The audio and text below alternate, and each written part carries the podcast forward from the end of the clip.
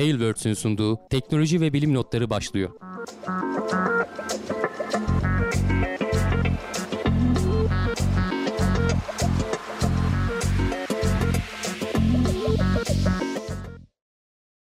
Teknoloji ve bilim notlarına hoş geldiniz. Ben Hamdi Kellecioğlu. Karşımda Volkan Ekmen var. Her hafta olduğu gibi teknoloji ve bilim dünyasından haberlerle karşınızdayız. Nasılsın Volkan? Çok teşekkür ederim abi. İyiyim. Seni sormalı. Ben de iyiyim. Keyfimiz yerinde. Uğraşıyoruz. Gene geldik her hafta olduğu gibi. ya öyle bir şey yok. Gene geldik ya. şey gibi oldu. Bitse de gitsek şu yayın. Bitse de gitsek gibi oldu. Dur daha buradayız ya. Bir buçuk saat kadar. Evet, sürerse evet. Aslında bayağı keyifli oluyor böyle özellikle de Tabii canım ya. yorumlar olunca. Haberler yeter haberler. Çok güzel e, gelişmeler, haberler, duyurular.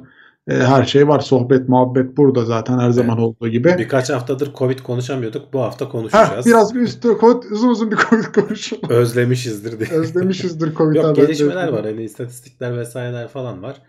Onlardan biraz evet. bahsedeceğiz. Sonra gene normal yayınımıza devam edeceğiz. O zaman başlayalım Sen hep bu şey Bloomberg'in pandemi direnç endeksini e, bize sunuyordun. Geçen hafta görüşememiştik onu. E, evet. neler var orada? Yani ne olmuş? Yükselmiş mi? Alçalmış geçen hafta. Evet. E, normalde ay sonlarında yayınlanıyor. Ki geçen hafta da biz tam 27'sinde galiba yaptık. Genelde 25'i falan gibi yayında oluyordu. İşte bu sefer gecikti birkaç gün herhalde. Neyse artık bu haftaya kaldı. Çok önemli değil. Yani bu aslında hani pandemiye direnç indeksi dedikleri bir şey. Şimdi artık reopening progress de diyorlar. Yani yeniden açılma e, şeylerini de alıyorlar. Yaklaşık, yaklaşık işte 12 tane falan farklı böyle şeylere bakıp e, oluşturulan bir indeks ve ülkeleri sıralıyorlar aslında. Yani tek bir şeye bakmıyor. Pandemiyle nasıl başa çıkabildiğini hani sadece vaka sayılarına veya işte ölüm sayılarına bakmıyor. Onlar da var işin içinde ama genel olarak pandemiyle hani o ülke nasıl başa çıktı. Burada işte hatırlarsan birkaç aydır biz işte Mayıs'tan beri galiba takip ediyoruz bunu. Ee, başlarda hep üst sıralarda hep böyle Singapur işte e, ne bileyim Güney Kore falan gibi ülkeler vardı. İşte Yeni Zelanda, Avustralya falan vardı. Şimdi mesela onlar baya baya aşağılara düştü. Ee, Avrupa ülkeleri şu anda en tepelerde. biraz işte aşılamaların da etkinliği olsun. işte ne bileyim belki yavaş yavaş açılmanın da şey olsun. Mesela İsrail tepelerdeydi. Bayağı aşağılara düştü şu anda. Ki nüfusunu bayağı ciddi oranda aşılamasına rağmen e, bilmiyorum artık neden kaynaklanıyor, nasıl bu şeyler düşüyor. E, burada günlük hayatın ne kadar etkilediğine falan da baktıkları için e, sonuçlar sonuçlar tam hani vaka sayılarıyla doğru anlamda eşit bir şekilde ilerlemiyor. E, Türkiye geçen aya göre bir sıra gerilemiş sadece. Yani olduğumuz yerde sayıyoruz diyebiliriz. 13. sıradaydık. 14. sıraya inmişiz. Ama mesela İspanya 8 sıra birden yukarı çıkmış. 2. sıraya çıkmış. İrlanda 3 sıra yukarı çıkmış. 1. sıraya yerleşmiş. Ee, çok gerileyenler arasında Norveç var. Ee, ki hani Norveç aslında pandemiyi bayağı iyi yöneten ülkelerden biri. Hep ilk 10-15'te kalmış. Pandeminin en başından beri. Şurada bak hatta onun grafiği de var. Şöyle Norveç'e bakarsak hep böyle e, tepelerde. Hiç böyle aşağılara diplere inmiyor. Mesela İrlanda bir ara böyle Ocak ayında falan bayağı diplere kadar kırmızıya kadar hatta dokunup sonra yavaş yavaş toparlamış.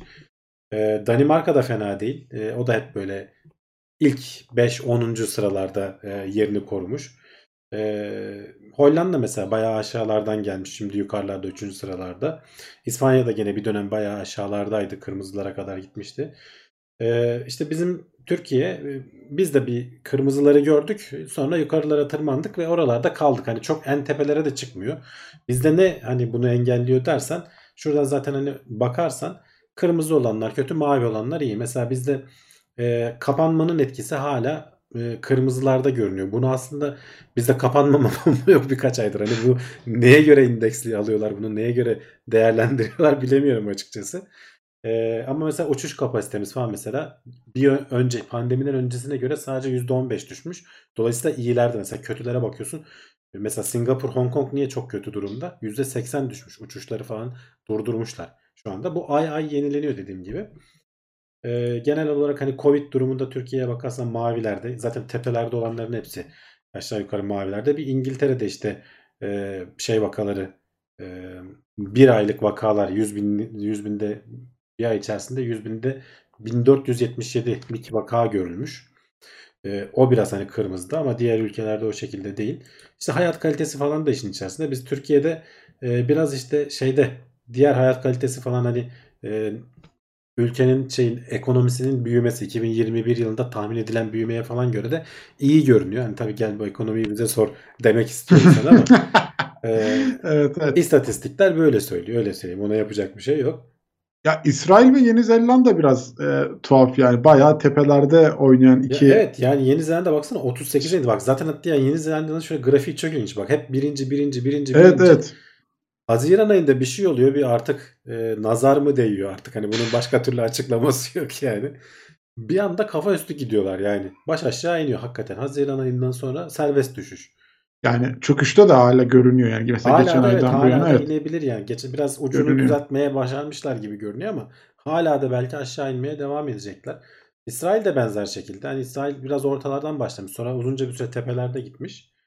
Ee, şimdi onlar da hani düşüşteler. Bu işte dediğim gibi hani hastalığın bir de, aşılı ülkeler hani İsrail en azından hani Yeni Zelanda o kadar aşı anlamında çok yaygın değil ama şurada bir yerde vardı. Yeni Zelanda'nınkine bakalım. Ee, şu nüfusun %49 aslında kötü de değil yani gene yarısını aşılamışlar en azından. Ee, bu İsrail'de çok daha fazla. Ee, ama neden hani bu kadar aşağılara doğru düşüyor açıkçası bilemiyorum hani bir şekilde e, aşıların çalıştığını da görüyoruz. Evet. vakalar hani delta çok çok daha yaygın bulaşabiliyor olmasına rağmen e, bu arada hani onu da şöyle göstereyim. Benim zaman zaman paylaştığım Güçlü Yaman'ın e, video şeyleri var, e, istatistikleri var. Twitter'dan takip edebilirsiniz. Güçlü Yaman diye ararsanız çıkıyor. E, artık ölüm oranlarını falan takip ediyorduk. Bu ekranda da 2020-2021'in ve önceki yılların e, ölüm oranlarını karşılaştırmış. E, devletin resmi verileri değil bunları şeylerden topluyor. İşte belediyelerde, mezarlık sistemlerinden falan bulup e, Türkiye'ye ortalamasını eşitlemeye çalışıyor. İşte kabaca bir rakam veriyor. Devletin açıkladığı verilerden de genelde biraz daha yukarıda çıkıyor e, sayılar. Ama Hı hı. hani böyle 4-5 kat değil de 2 kat falan diyebiliriz. Şimdi şu alttaki e, gri görünen alan e, 2018-2019 yılının maksimum ve minimumu. Yani bunun aralarında biraz üzerinde belki biraz altında devam etmesi beklenirdi normalde sonraki yılların. E, mavi olan 2020 yılı. 2020 yılı görüyorsun Nisan'dan itibaren bir miktar şu hani aynı aralıkta takip etmeli diyordum ya bak pandeminin daha tam etkili olmadığı zamanlarda aynı aralıkta takip etmiş. Ama nereden itibaren? Mart'ın ortasından itibaren bir anda bir de tepe yapmış ve ortalamaların üzerine çıkmış pandemi. Sonra gene işte yaz aylarında aşağı yukarı aynı devam ederken asıl e, sonbaharda geçen senenin işte şimdi 21 Ekim'i zaten özellikle işaretlemiş. Burada şey görünüyor ve bu yıla bakarsan böyle çok güzel paralel giden bir eğilim olduğunu görürsün. Evet sayılar biraz daha artmış. E, Delta varyantının etkisi var burada. E, ama böyle tepe noktalarının falan üst üste bindiğini görüyorsun. Bu işte insanı biraz e, ürkütüyor açıkçası. Şu 21 Ekim'den sonra acaba bu tepe noktası geçen seneyi de aşacak şekilde e, yukarılara fırlayacak mı? İşte burada aşının etkinliğini göreceğiz aslında. E, bir miktar artış olacaktır ama ben hani geçen senedeki kadar kötü olacağını düşünmüyorum. Şu anda gene nereden baksan günde 200 küsür kişi ölüyor. Bugün, galiba 200'ün altına indi ama hani ortalamalara baksan son bir haftayı falan 200'ün üzerinde ol- olmalı. E, az değil. E, biz hani 20'lerde 30'larda falanken çok diyorduk. Yani şu an her gün 200 kişi hayatını kaybediyor. Eğer hani aşılar vesaireler olmasaydı ne olurdu ben açıkçası merak ediyorum. Delta varyantının e, ne kadar kötü olabileceğini insan düşünmek istemiyor. Gerçi şöyle Öyle. bir şey var. Bir Öyle. yandan da açık. Yani bir yandan da hayat devam ediyor. Hani muhtemelen aşılar falan olmasaydı gene kapanıp ekonomiyi durdurma pahasına olsa evlerde olacaktık. Bakalım şimdi işte okullar falan açık. Ee, öğretmenler falan diyorlar hani çocuklar çıldırmış durumda bir senedir falan çok kötü durumdalar diyor. Çoğu şeyi unutmuşlar. Ee, uzaktan eğitimle vesaireyle falan bir yere kadar oluyor demek ki olmuyor. İnşallah hani kapatmadan devam ettirmeyi başarabiliriz. Ee, sonbahar işte artık başladı. Biraz hafiften soğumalar da başladı. Ee, bu Ekim ayının sonuna doğru e, biraz daha net görürüz diye düşünüyorum. İnşallah çok kötü olmaz.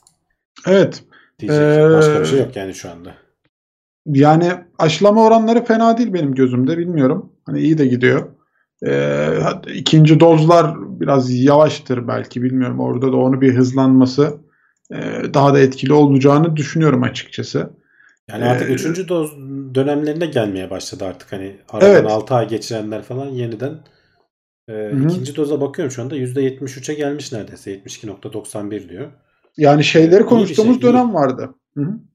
Dinliyorum abi sendeyim. Yok iyi diyorum yani hani %73 Ha, tabii. iyi durum. Hani şeyleri konuşuyorduk. e, hani aşı yetmiyor, gelmiyor, etmiyor bilmem ne. Yani artık o bölümleri geçtik. E, hani ne kadar aşılanacağız, kimler aşılanmadı o bölümdeyiz. Yani buraları da atlatıp artık düzlüğe çıkmanın zamanı geldi ama bunun da işte en önemli e, kaynaklarından biri aşılanma yani. Orada teşvikler, diğer e, unsurlar, işte bu tür yayınlar, bilgilendirici yayınlar e, önemli. E, hani sizde böyle işte aşı karşıtı insanlar varsa aranızda onlara kaynaklarla, buradaki haberlerle falan e, davet edin. Anlatmaya çalışırız elimizden geldiğince. Çok fazla Evet. yok ya. Sesleri belki bir miktar çıkıyor olabilir ama gördüğün gibi işte toplumun e, çok büyük bir kısmı e, hı. aşılanıyor. Aşılanmayanlar da hani karşıt olduklarından değil de şey olanlar da var. Hani ya bize bir şey olmaz. genciz O da var, gençleri o da var. gençleri etkilemiyor nasıl olsa deyip olmayanlar da var. E, Hı hı.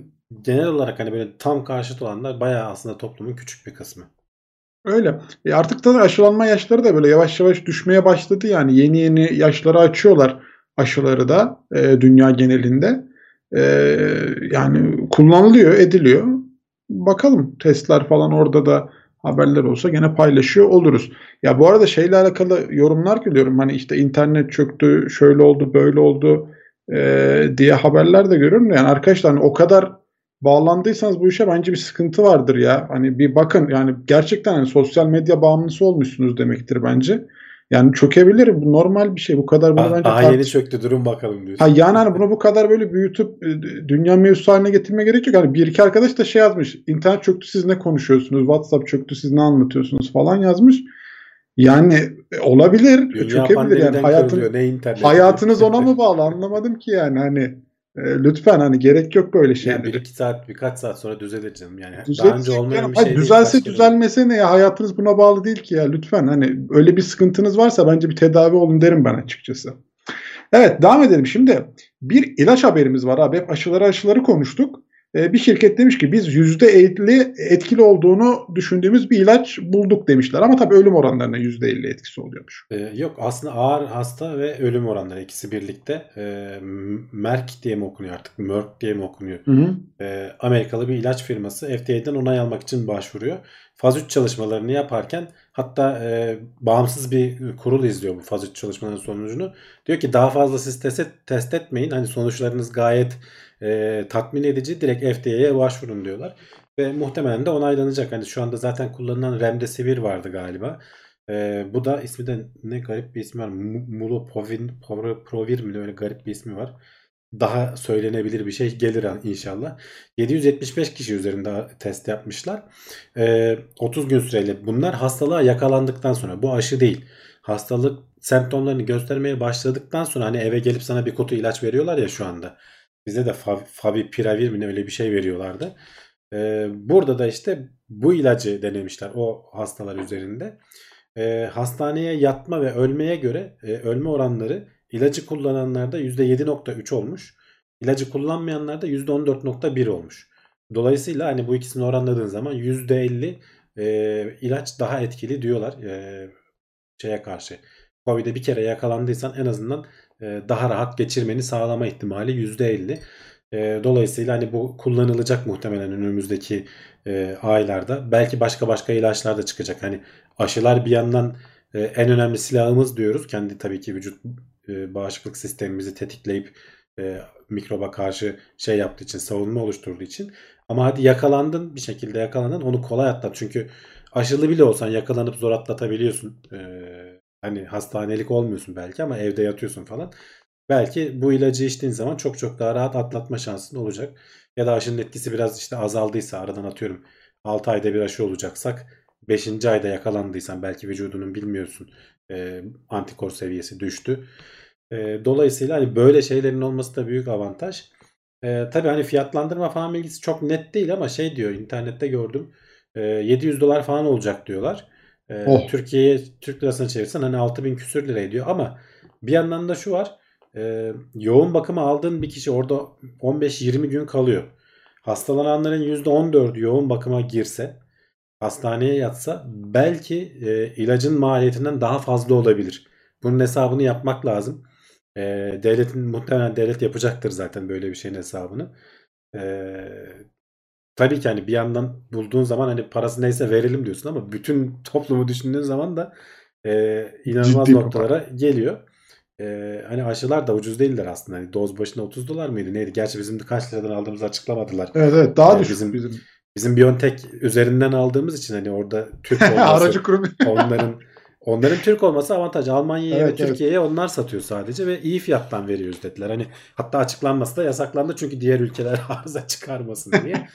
Ee, bilmiyoruz yani hani ama e, 700 dolar değil yani en azından e, bir dozu diyelim hani bir, bir, bir, bir kutusudur herhalde. Doz dediğimizde herhalde bir kutu içiyorsundur. Ama bu dediğim gibi söylenti hani benim hani internette tek bir yerde görebildim. Bu haberde de yok zaten fiyatlamasını. Ama bunların olması iyi bir şey. Daha da dediğim gibi başka ilaçlar da e, gelecektir. Takip etmeye devam edeceğiz. Türkiye'de de ilaç üzerine araştırmalar yapıldığını biliyoruz. Gerçi daha bizim şeyin testleri sonuçlanmadı. Aşının Türk Kovak'ın Evet. testleri sonuçlanmadı. Onu bekliyoruz bir yandan. Şimdi bu arada mesela şimdi %50 etkili oran yani belki biraz düşük görünüyor olabilir ilk başta ama şu açıdan bakalım. Yani şu an mesela bugün 200 kişi vefat etti diyoruz. Yani 100 canı kurtarabilirdik Türkiye'deki ölenlerden. Yani Evet. o açıdan baktığımız zaman yani 100 can az bir şey değil gerçekten. Canı Ee, kurtarmak ayrı. Bir de işte kim bilir Ha? kaç tanesi onların hastaneye yatıp yoğun bakımda zor atlattı. Onları da kurtarıyorsun. Çünkü Tabii tabii. diyorlar? Hani o yani Yoğun yoğun, bakım bakımda ve olanı şey. rahatlatıyor. Ölme durumda olanını biraz işte ölüm döşeğinden alıyor gibi. E, baktığın zaman yani gayet iyi bir oran. Hani zaten e, şeye de öyle demişler. Yani bir an önce başvurun eğer ki uygunsa kullanılmaya başlansın diye. E, Yani o yani- faz 3'ün sonuçlarını değerlendiren kurul ayrı. Onlar Hı. demişler yani hani firmanın kendisi zaten o piyasaya çıkmak ister de ayrı kurul demişken sonuçlar çok iyi. Siz hemen derhal başvurun. Erken kullanım lisansına falan başvurun. Yani e, bu insanlara faydalı bir şey. E, kullanılmaya başlansın bir an önce. Öyle öyle yani etkili etkiliyse ne hala. Ya ama biraz da şimdi senin şimdi işin maddi boyutuna baktık ya bir de şu açıdan düşünüyorum. Ya şimdi hani hep konuşuruz. Yani aşı olmamış, e, yakalanmış. e, belki onun kendisinin de suçu var. E, devlet buna bütçe ayırıyor. E, yoğun bakım bütçesi ayırıyor. ilaç bütçesi ayırıyor. E, bir şeylerden kısıyor, oraya yatırım yapıyor. Ama şimdi burada adamın da suçu yok mu yani? Ben biraz da onu düşünüyorum açıkçası yani hani e, bu adam kendisi ilk başta kendi önlemlerini almamış yani aşılama e, ücretsiz bir şekilde yapılacakmış. Adama aşılanma yapılmamış. Gitmiş yoğun bakıma düşmüş. E şimdi de mesela Tabii, 700 dolar olan bir ilaçtan bahsediyoruz. Yani bu adam için 700 Ya ama dolarlık işte devlet o hani bütçesi. klasik genelde şey tartışmasına giriyor. Yani adam yıllarca sigara içmiş sonra akciğer kanseri olmuş. E tabii tabii. Devlet buna bakmayacak mı? Yani Ya ama hani ben O bilmiyorum zor yani, olaylara ben bu yönden de bakmak istiyorum yani. Yani Hani burada insanların da zaten. Hani bunun Ha? politikası tartışılır. Ona bir itirazım yok. Sonuçta sen kendine bakmıyorsun, etmiyorsun. Sonra yük oluyorsun aslında topluma. Yani öyle. e, orada işte buna bakılır. Buna bakılmalı zaten. Ama tabii işte orada sosyal devlet bilmem falan bayağı komplike tartışmalar işin içine giriyor. Artık felsefi boyutlara varıyor konu. E, kolay değil yani onun kararının verilmesi. Yani öyledir. evet şimdi YouTube'dan bir e, haberimiz var. Aşı karşıtı içeriği kaldırma kararı almışlar.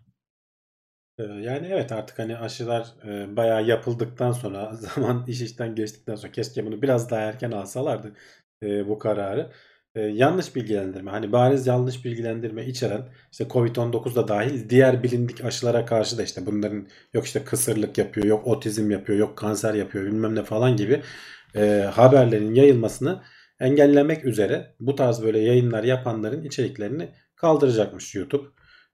Böyle bir açıklama yaptılar gene kolay bir şey değil. Hani e, tartışmalı bir şey. Çünkü nereye kadar kaldıracaksın? Nereye kadar izin vereceksin? Sonuçta bir yandan da ifade özgürlüğüne giriyor aslında bunları söylemek ama e, işin öteki tarafına baktığın zaman da toplum sağlığını etkileyen sonuçları oluyor.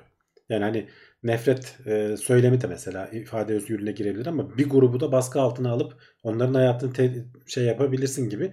Böyle işin dengelenmesi lazım. O yüzden firmalar biraz e, ağırdan almaya çalışıyorlar bu süreçleri. Çok güzel şeylerini belirlemeleri gerekiyor. Prosedürlerini belirlemeleri gerekiyor. Onun çerçevesini çizmek kolay değil işte. Ne nereye Kesinlikle kadar aşı kolay değil. karşıtı? Nereye Hı hı. kadar nereden sonra aşı karşıtı değil. Hani sonuçta eleştirilebilir de olması lazım. Mesela devletin e, atıyorum aşılama e, şeyini eleştirebilirsin. E, ne denir? Rejimini eleştirebilirsin işte. E, ilkokulda yapmasınlar hani birinci sınıfta değil de ikinci sınıfta yapsınlar ya da şöyle yapsınlar vesaire falan gibi hani böyle alternatifler sunabilirsin. Bu başka bir şey. Bu yapılabilir bir şey. Daha iyiye ulaşmak adına. Ama sen çıkıp da aşılar işte kısırlık yapıyor, kanser yapıyor işte otizmle bağlantılı falan dersen ki yani bütün bilimsel araştırmalar bunun tersini gösterirken bunun engellenmesi lazım. Ee, iyi bir yön. En azından YouTube bu yönde bir karar almış. Ne kadar başarabilecekler bilmiyorum. Bu konuda hani böyle e, adı çıkmış böyle bilindik tiplerin falan hesaplarını askıya almışlar. Ee, burada işte John F. Kennedy'nin yeğeni varmış Robert Kennedy. Ee, onun gibi birkaç tane daha var böyle. Hı hı. Onların hesaplarını da askıya almışlar. Ee, affetmeyecek gibi görünüyor yani YouTube. Bakalım. Takip Ya- ederiz haberleri Yani bilmiyorum zaten YouTube'da mesela benim hiç karşıma çıkmadı. Hani karşısına çıkanlar var mı bilmiyorum öyle aşı karşıtı haberlerle Ya alakalı. bir iki arama yapsan Zaten- falan çıkar yani. Ha, aramayla çıkar kesinlikle de hani öyle önerilerde falan hiç öyle haberlere ben kendim denk gelmedim. Ee, kendi YouTube'umda bilmiyorum. Hani demek ön plana falan da Ya bir çıkarmıyor yandan öyle şeyler de var. belki Hadi de. Bunlar YouTube falan yapıyor ama bir yandan da mesela işte doktorlar doktorlar var. Televizyonlara falan çıkıp e, söyleyebiliyorlar. Yani bazen e, işte kendi vücudunuz kurtarır kardeşim siz işte hiç kasmayın falan noktasına gelenler var. Onlara devletin mi artık bilmiyorum hangi kurumun hani Tabipler Birliği'nin falan öyle bir yaptırım gücü de yok bildiğim kadarıyla ama bir şeyler yapılması lazım yani. Bu kadar bariz rahat olmamalı. Ee, toplumun çünkü ya üzerine sorumluluk alıyorsun hiç o da, o da umurlarında değil. Belki birkaç kişi öldü senin yüzünden bu saçma sapan. Evet ben de ona ona zaten çok tabım ya. Yani sen nasıl böyle bir şeyi söyleyebiliyorsun ki yani bu Nasıl bu çok vebalin altına çok ciddi bir konu yani. Evet hani senin yüzünden bir iki insan hayatını bile riske attın. Yani bir kişiyi bile riske atsan çok büyük vebal yani dediğin gibi. Sen onun nasıl riskini alıyorsun? Bilmiyorum adamlar hiç öyle şeyleri umursamıyorlar demek ki yani. Ya bu arada aşı karşıtı olmakta bir şey yok. Olabilirsin aşını olma. Ben bir itirazım yok ama o zaman işte belli şeylere dikkat etmen lazım. Yani kendi kendine olmamayı seçebilir insanlar. Hani buna bir itirazım yok. Ama o zaman mesela toplu belli yerlere girmemen gerekir mesela. Yani ne bileyim çalışacaksan zaten şimdi artık o zorluluklar da getirilmeye başlandı. Hem senin sağlığın için hem başkalarının sağlığı için. Ee, bunun yapılması lazım. Zaten dünyada bunu yapıyor. Hani tartışılıyor. Biraz böyle sürtünmeli oluyor konular ama eninde sonunda olması gereken yere doğru gidiyor. Öyle. Ee, yani bilmiyorum YouTube biraz daha bana profesyonel bir yayın gibi geliyor. Hani oraya hazırlanan içerikler biraz emek veriliyor, hazırlanıyor, ediliyor, üstüne düşülüyor. E, tabii hani çok kötü içerikler de var ama bence bu aşı karşıtlığının yayılmasındaki en büyük şeylerden biri yani bu küçük sosyal medyalar ya. Mesela WhatsApp'ta insanlar birbirine atıyor yalan yanlış evet, haberleri. Facebook'ta paylaşıyor, duvarında Tanıdıktan paylaşıyor. daha etkili oluyor. Yani bir de Instagram'da gibi hikayesini yani. atıyor. Yani çok oralar daha tehlikeli bence yani o açıdan. Evet, evet. Hani YouTube gene adam bir yemek veriyor, bir şeyler koyuyor ortaya. Uğraşmış etmiş belki hani bir kaynak bulmuş yalan yanlış onu koyuyor. Bir şeyler söylüyor. Kamera karşısına geçiyor, anlatıyor. İkna edici konuşmaya çalışıyor. Öbüründe bir mesaj geliyor. Şöyle yapıyormuş, böyle yapıyormuş diye. Daha daha tehlikeli bence bilmiyorum yani. Evet evet kesinlikle Oralar. daha Yani tehlikeli. YouTube gene hafif kalıyor. Bilemiyorum. Senin sesin biraz azmış ya da ben mi çok yüksek bağırıyorum bilmiyorum. Ya açtım biraz şimdi. Ha, Bakalım. Tamam bakalım. Biraz daha Şimdi- arttırdım sesimi. Evet, e, korona haberlerimiz nihayet bitti. Uzay yolculuğumuz başlıyor. Herkes kemerlerini sıkıca bağlasın. Uzaya doğru çıkış çıkıyoruz efendim. Şimdi e, bence ilginç ama bi- bilimin de çok güzel yanlarından biri. Kendi iniş platformunu oluşturan araçlar ileride ay görevlerinde de kullanılabilirmiş abi. Yani normalde aya indikleri zaman bayağı bir toz bulutu kalkıyor, bir şeyler oluyor. E, sıkıntıymış. Buna bir çözüm getirmişler. Nasıl bir çözüm? Yaratıcı bir çözüm. Ee, Evet. NASA'nın e, şey var. İleri işte konseptler enstitüsü diye Türkçe'ye çevirebileceğimiz bir yapısı var. Geçmişte de bir iki kere konuk olmuştu böyle bize şeyi hatırlıyorum ben. Ee, güneş ışığını böyle işte lazerlerle yayıp e, ay- ay üstüne dağıtma falan gibi böyle akla ziyan fikirleri olan e, projeler geliştirilmişti. E, bu da gene hakikaten akla ziyan fikirlerden biri. Dediğin gibi şimdi e, ay görevleri artacak. Belki oraya işte insanlı görevli olacak. Belki üst kuracaksın. E, ama işte oraya böyle uzay gemileriyle falan bir şeyler taşıman lazım. Onların da böyle dikey iniş yapması lazım. Şu anda tam ekranda görüldüğü gibi. E, alt tarafta roketi ateşliyorsun tabii dikey inerken. Ama işte o ateşleme esnasında bu ayın yüzeyindeki taşı toprağa böyle fırlatıyorsun etrafa. Kaldırıyorsun. Hem birkaç kere aynı yere insen orada bayağı bir çukur oluşturuyorsun. E, şeyi hatırlayacaklardır izleyiciler. E, Mars'taki o Çin'in aracının altındaki çukuru hatırlayacaklardır. Orada bayağı Evet. alet yarım metre çukur açmıştı indiği yere. E, onun birkaç kere daha tekrarlandığını düşün. Kendi kraterini oluşturursun. Hele bir de etrafta böyle binalar veya başka araçlar varsa buradan fırlayan taş toprak zaten hani ay tozunun rezalet bir şey olduğunu söylüyoruz. E, her tarafa yapışacak veya zarar verebilecek. Şimdi bu olmasın diye e, bir iniş platformu yapman lazım. Ama iniş platformunu yapmak zaten başlı başına ayrı bir dert. E, çünkü maliyeti var. E, bir de böyle tavuk mu yumurtadan çıkar, yumurta mı tavuktan ikilemi var yani. Hani oraya araçları indirmeden e, iniş platformunu yapmak da zor. E, araçları indirmişken zaten hani bu sorunları yaşamış oluyorsun falan gibi bir durum var. Orada şöyle bir şey önermişler. Diyor ki bu e, roket motoruna şöyle aşağıda bunun çizimi de var. Onu da göstereyim. E, gösteremiyorum. Çünkü internet düzgün çalışmadığı için görüntü video resmi gelmemiş. Ha şimdi geldi. Şöyle e, şu roket motorunun e, konisi dışarıya fırlattığı kısım. İşte yukarıda yanma odası. Buradan e, gazlar yanıyor. Şu aşağı taraftan fırlatılıyor dışarıya çok sıcak bir şekilde. Yan tarafa bir tane böyle plastikimsi parçacıkların olduğu tam ma- maddesinden bahsetmemiş bir haznesi var. Buradan bu parçacıkları yanan şeyin içerisine atıyorsun. Bunlar eriyip e, roketin itki şeyiyle yere yapışıp orada bir platform oluşturuyorlar. E, hatta burada ayrıntılarını falan da vermişler. İşte önce e, yüksekteyken küçük e, parçacıkları veriyorsun. Onlar bir böyle alt küçük bir şey yapıyorlar. Katman yapıyorlar. Sonra e, yaklaştıkça daha büyük e, parçacıkları fırlatıyorsun. E, daha doğrusu o haznedeki e, plastikleri serbest bırakıyorsun diyelim. Onlar daha büyük böyle daha güçlü bir katman oluşturuyorlar.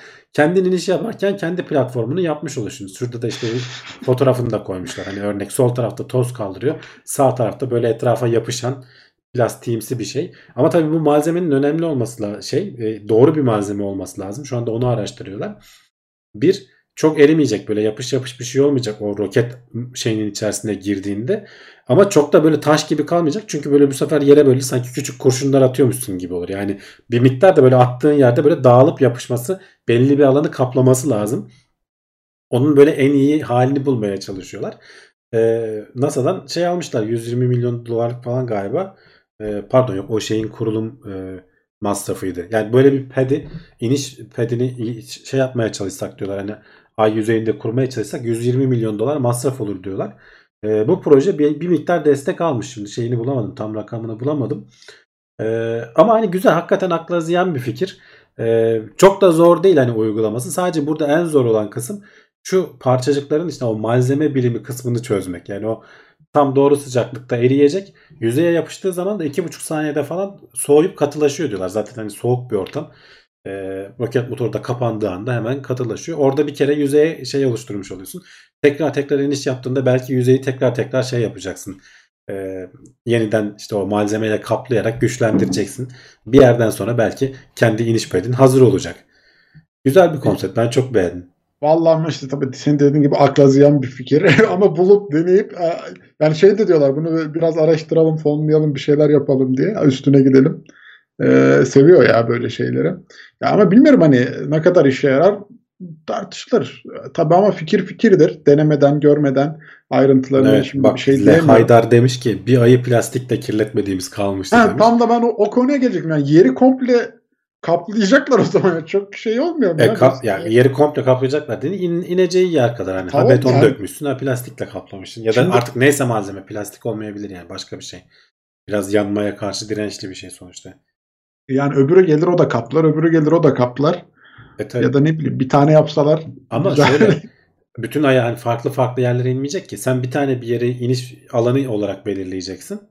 Ya da birkaç tane hani helikopter alanı vardı ya bir iki tane Evet, olur. Her gibi. yer helikopter alanı olmuyordur yani sonuçta. Geri Evet, kalanı bakmak normal lazım. gene ay, ay tozu taşı toprağı olacak. Aynen. Ee, devam edelim. Şimdi bir grup insanlar demiş ki biz bu Starlink uydurağını GPS alternatif olarak kullanabilir miyiz? Gene akla ziyan bir grup insan değil. Gerçekten de öyle. Çünkü aslında olay SpaceX'ten tamamen bağımsız gerçekleşiyor. Orası çok SpaceX'in- ilginç. Orası çok ilginç. Evet yani bu adamların olayı e, bu gene işte Ohio State Üniversitesi ile California Irvine Üniversitesi. E, buradaki araştırmacılar Diyorlar ki hani GPS'ten sonuçta GPS nasıl çalışıyor? Bir sürü uydudan sen datayı alıyorsun. O uyduların konumları aşağı yukarı belli. İşte zamanlamaları belli. Senin o GPS aygıtın konumunu böylece dünya üzerindeki konumunu bayağı hassas bir oranda 0.3 metreye kadar iniyor galiba. Hassasiyette bulabiliyor. Evet, 0.3 ile 5 metre arası. Ee, da- e, evet e, şeyde e, Starlink'te de diyorlar ki sonuçta internet yayını geliyor sana ve bu internet yayınının e, üzerinde meta bilgisi var diyorlar. Hani hangi uydudan geldiği ve işte uyduların konumunu biliyorsun. Kabaca nereden hangi e, enlemde vesairede dolaştıklarını biliyorsun. E, geliş şeysi belli, tarihi, saati vesairesi falan belli. Bunlardan bakarak biz yaklaşık galiba e, 7 metre çapta şeyi bulabilmişler. 7.7 metre hassasiyette e, antenin yenin konumunu hesaplamışlar. 6 tane e, Starlink uydusundan veri alarak.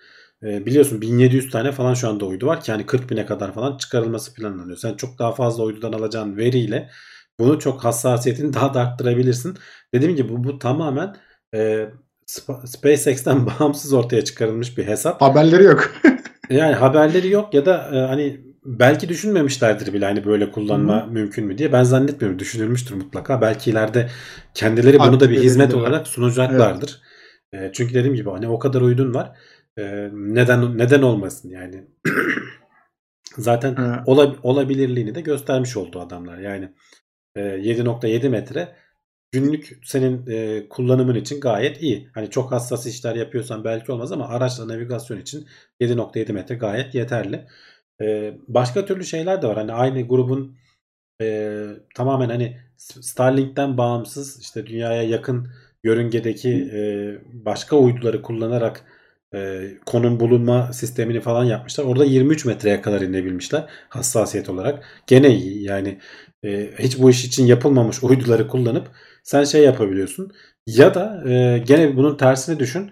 E, yerdeki antenleri kullanarak bir uçağın konumunu bulan aslında bir çeşit radar e, sistemler üzerinde de çalışıyor. Yani bunlar tamamen uzaktan e, konum belirleme işte veya bir aletin yerini tespit etme falan gibi sistem üzerinde çalışan uzmanlar. Starlink belki ileride GPS'e alternatif de olabilir. Neden olmasın? E, ben şurayı tam e, anlamadım da. Şimdi şey mi bu e, Starlink'in aletiyle beraber mi buluyor konumunu yani? Ya o 7.7 metreyi tespit ettikleri bölümde Tabii, tabii canım. yani bir cihaz var sonuçta doğru E, tabii mu? anten var sonuçta Starlink anteni. Hani o bu çünkü datayı alacak. Hani bir telefon kadar bir cihaz değil sonuçta hani günün sonunda. Daha bu Starlink'in bayağı bir anteni var. Tabii, o tabii. sayede buluyorlar. Doğru mu? E, Ha, tabii tamam işte yani biraz o datayı Hı. alıp e, o işte asıl veriyle lazım. ilgilenmiyorsun. O metadata dedikleri o veriyle birlikte gelen etiketlerle ilgileniyorsun aslında. Hani hangi uydudan geldiğini falan söylüyormuş o. E, onlarla ilgilenip ölçüyorlar. E, tabii ki Starlink antenini kullanıyorlar şu anda ama hani yarın öbür gün e, belki ha, küçülmesi lazım. Evet hani bayağı bir yolu var. Hani ona değinecektim ben Tabii, de. tabii. Bayağı e, şey yapması lazım. Bir de anladığım kadarıyla hani zaten açık alanda yapmışlar bunu ki Starlink zaten hani açık alanda e, konumlandırılarak çalışıyor. Mesela GPS orada e, binaların içinde de gayet yeterli bir performansa sahip ki 0.3 metreye kadar konum doğruluğundan bahsediyoruz. E, gene geliştirilecek tabii bu hani ilk ama işte deneme şeyi düşün ve yani bir tanesi bir tanesi hiç bu iş için yapılmamış. yapılmamış. tabii tabii o çok Bambaşka ayrı. bir iş yani. Bu tamamen E, tabii ama hani şeyleri de eleştirmek lazım. Hani şu an e, bayağı bir beta aşamasında olduğunu da eleştirmek lazım ya ki beta bence diye hani, bir aşama yok. Adamlar olmayan bir şey yok, yapıyorlar. yok. Hani şey olarak hani yolun çok başında olduğunu vurgulamaya evet çalıştım evet. da. E, bilmiyorum hani tabii 7.7 metre ilk deneme için bence gayet yeterli ya. Geliştirilebilir yani sonuçta böyle Bence bir şey ki. Hani şey çok iyi. Yani Starlink'ten bağımsız olarak adamlar kendileri bu projeye girişmişler. Evet. Belki ellerinde bazı başka veriler olsa çok daha rahat e, yorumlayabilecekler hani başka şeyleri.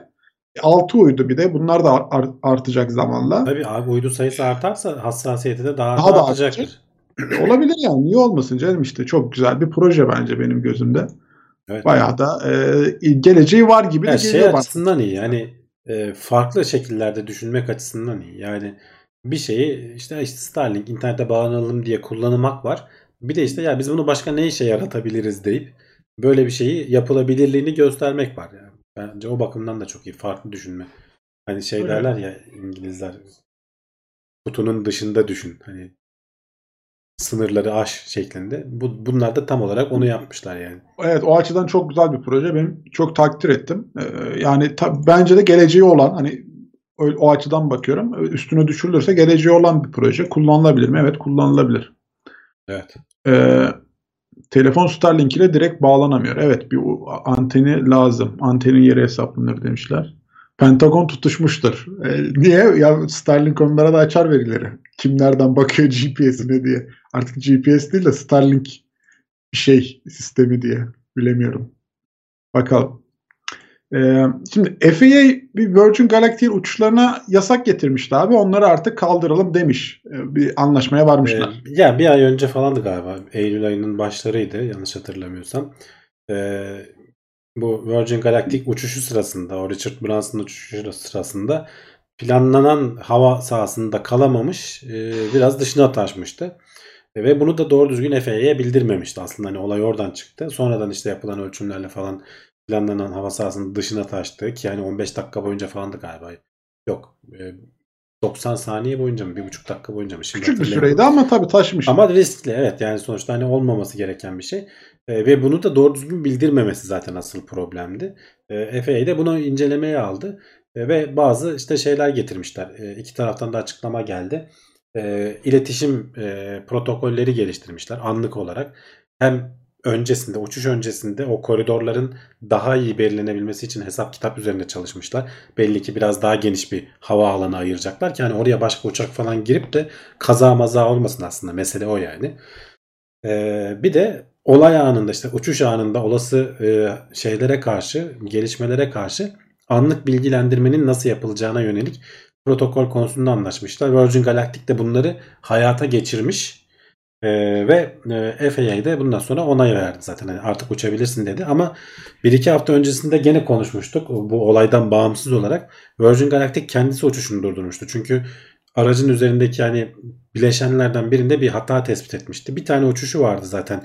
İtalyan Hava Kuvvetleri'ne yapacakları bir uçuş.